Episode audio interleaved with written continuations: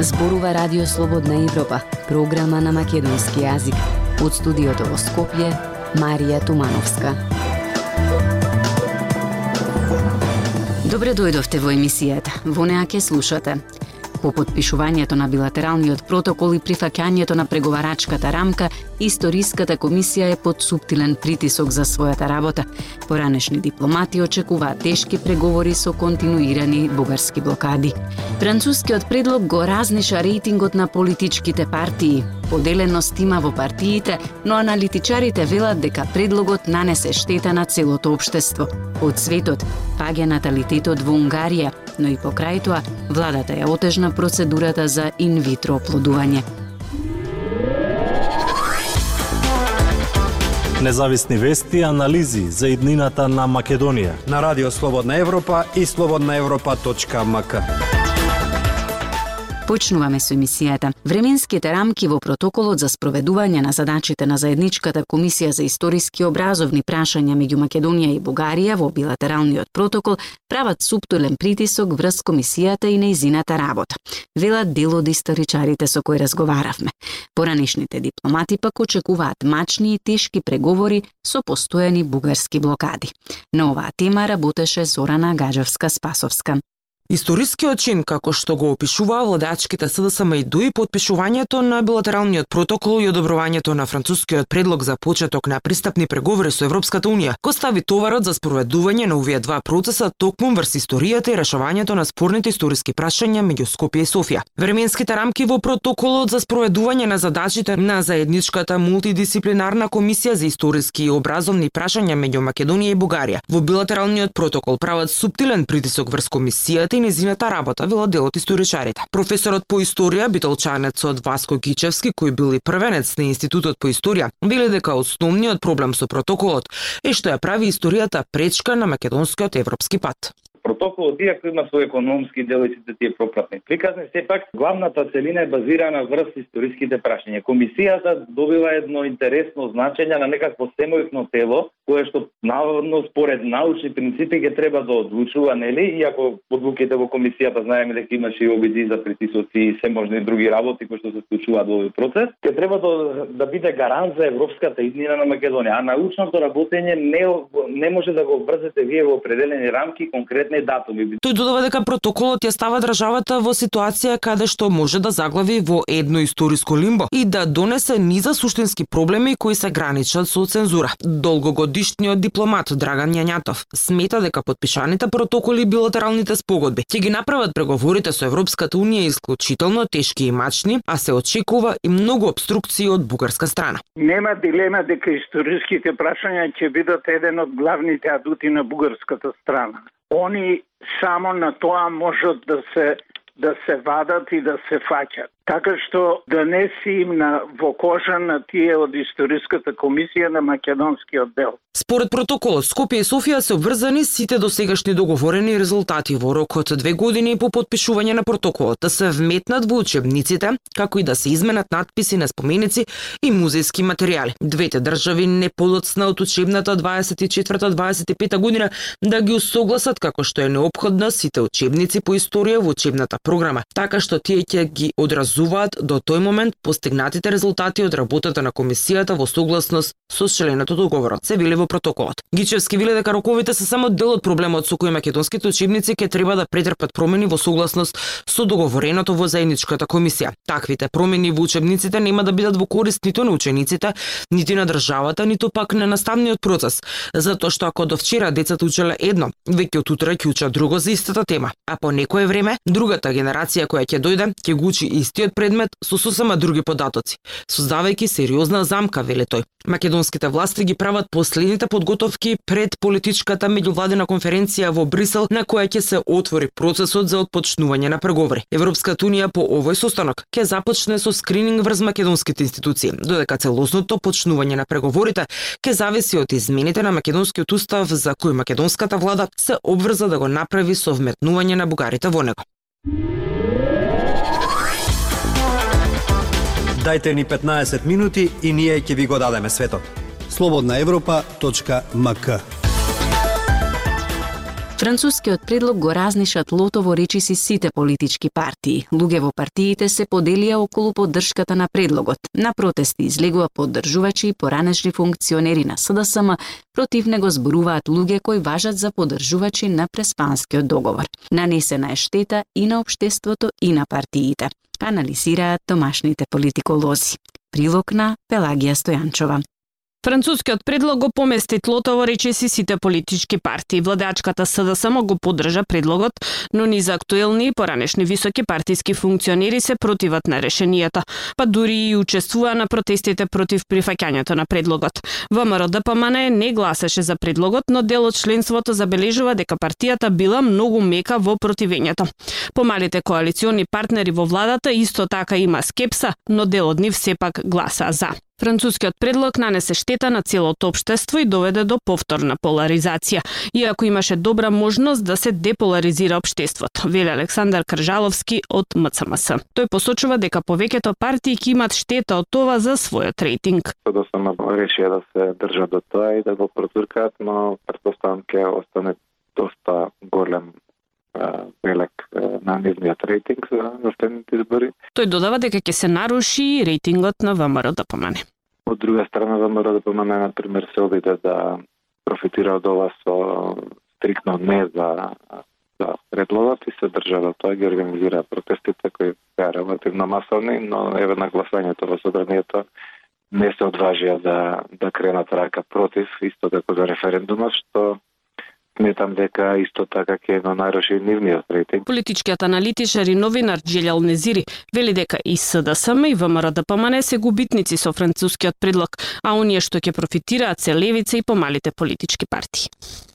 СДСМ е во опасност од понатамошно фракционирање или продлабочување на разликите помеѓу внатрешните фракции, ситуација која може да се одрази во некој изборен пораз. Незири додава дека гласачкото тело на ВМРО ДПМН пак е загрозено од подемот на левица. Темата е многу сензитивна и ги подгрева емоциите на етничките македонци. Како таква беше докрај искористена од левица за да ги мобилизира а, граѓаните а, играјќи на овие чувства. Незири вели дека прифаќањето или одбивањето на францускиот предлог не е прашање што може да им донесе поени на партиите на албанците. Актуелности свет на Радио Слободна Европа.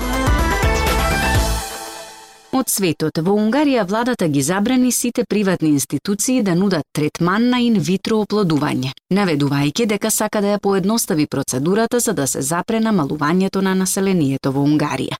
Но сега се помалку луѓе можат да добијат третман за плодност. На оваа тема работеше Гоце Атанасов. Да не беше приватната клиника, немаше да го имам, вели Кристина Казинчи. Незиниот син, кој сега има речиси две години, е роден од како неговите родители примиле третман за инвитро оплодување во приватна клиника.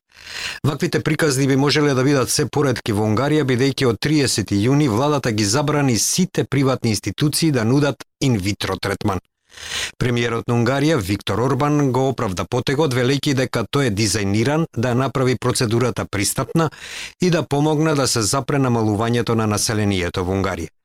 Населението на земјата е во речиси постојано опаѓање од 1980 година и е под 10 милиони од 2010 -та. Забраната на владата за приватен третман драстично ги намали опциите за многу жени и парови кои имаат проблеми со зачнувањето. Со оглед на тоа што приватните клиники сега се забранети во Унгарија, им остануваат две опции да си ја пробаат среќата во државните болници со долги листи на чекање или да одат на скапо лекување во странство. Казинчис Казинчи имала повеќекратни циклуси во државна болница пред да избере да оди на приватна. Никогаш нема да заборавам, еднаш не повика Петмина, ни рекоа да се разголиме. Кога докторот заврши со првото лице, вториот влезе веднаш, а во меѓувреме стоевме еден до друг голи, затоа што нема доволно време да чекаа да се соблечеме и облечеме, вели.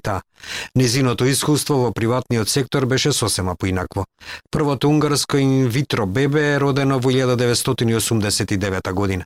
Една година подосна Стивен Кали одлучи да отвори клиника за плодност во Будимпешта. Центарот набрзо стана популарен во Унгарија и добро познат во странство. До 2017 година институтот помогнал во раѓање на над 25.000 деца. Но сите 8 центри на Институтот Каалин и Унгарија беа купени од владата во 2019 година за неоткриена сума. Причината за продажбата никогаш не била јавно објавена. Во мај 2021 година владата отиде понатаму, објавувајќи забрана за приватни клиники да вршат третмани за плодност, почнувајќи од 30 јуни година. Недостатоците на унгарскиот државен здравствен сектор ги надминуваат центрите за плодност. Поради, како што велат критичарите, недостигот на финансии, унгарските болници често имаат недоволна опрема и недостиг на персонал. Според една проценка, унгарскиот здравствен сектор има недостиг од 25.000 медицински работници, што се очекува само да се влоши со текот на времето, бидејќи помалку млади луѓе одат на терен. Култура и уметност. На Радио Слободна Европа. Случајни средби е насловена изложбата на Дијана Томик Радевска, што од 15 до 28 јули се одржува во Ликовната галерија во Центарот за култура Марко Цепенков во Прилеп. Уметничката вели дека тоа е неизина посвета на обичниот човек. Со неа разговараше колегата Лјупчо Јолевски. Диана Томич Радевска, македонската мултимедијална уметничка и дизајнерка, низата од 30 на самостојни изложби во земјава и во странство, ја збогати со актуелната поставка Случајни средби, што од 15 до 28 јули се одржува во Ликовната галерија во Националната установа Центар за култура Марко Цепенков во Прилеп. Сафет Ахмети, раководител на Центарот за визуелни студии Скопје, својот текст за ова представување го започнува со констатацијата дека нештата не се исти кога сме на своја домашна територија и кога сме во посета во минување на туѓа територија која не е наша. Поточно нештата се безмалку исти или барем многу слични, но кога не не засегаат директно, полесно и поинако ги забележуваме и восприемаме. Некој таквите состојби ги меморира умствено, некој ги зачувува на физички медиум, најчесто низ фотографии или видеозаписи, или пак со молив на хартија, во миговно настанат кроки цртеж или скица. Дијана Томич Радевска спаѓа во втората група, пишува Ахмети. И кога ова е веќе познато, нималку не чуди кога уметничката ќе забележи дека ако патувањата се богатство на неоткриени светови, тогаш за неа тоа се нови енергии низ авантурите на беззначени средби и непознати јазици. Ако е тоа еден нов амбиент, за неа станува еден нов свет, особено како што вели секојдневниот кадар, човекот и неговата осаменост, или пак осаменикот во толпата. Фотографирам и цртувам кроки цртежи и скици на нови лица, фигури во од, сцени од случајни, но и така наречени намерни средби, а ги колекционирам веќе неколку години низ овие фази на забележувањето на средбите, започнува и истражувањето на социолошкиот, антрополошкиот момент, ја барам собствената логика на одбраниот миг и забелешката на тој цртеж. Во разработката на скица цртежите создавам нови цртежи графики, а низ нови медиуми, дигитални отпечатоци, преработени фотографии, експериментирам со техниките на графичкиот печат. Дигитално ги обработувам, ја обработувам оригиналната фотографија, ја трансформирам во графички лист, низ комбинација на висок печат, дигитален печат, монотиписки пристап и комбинација на висок печат со сито печат. Сцените од меморијата од улицата, низ кроки цртежи ја дополнуваат при приказната на краткиот циклус на размислување, занемерувајќи го местото на сцената или пак некаде видливо ја асоцирам локацијата во друга композиција. Тоа е приказна за обичниот човек, за секој од нас. Вели Дијана Томич Радевска. И по ваквата творечка експликација за работниот процес, да и се вратиме на анализата на Сафет Ахмети. Во неа тој и со прашањето, кои се ликовите што дефилираат во оваа серија на дела, и потем со образложение дека тоа се непознати случајни личности кои од некоја причина го привлекле вниманието на авторката. Толку во оваа емисија ја слушавте програмата на македонски јазик на Радио Слободна Европа. Од студиото во Скопје ве поздравуваат Дејан Балаловски и Марија Тумановска.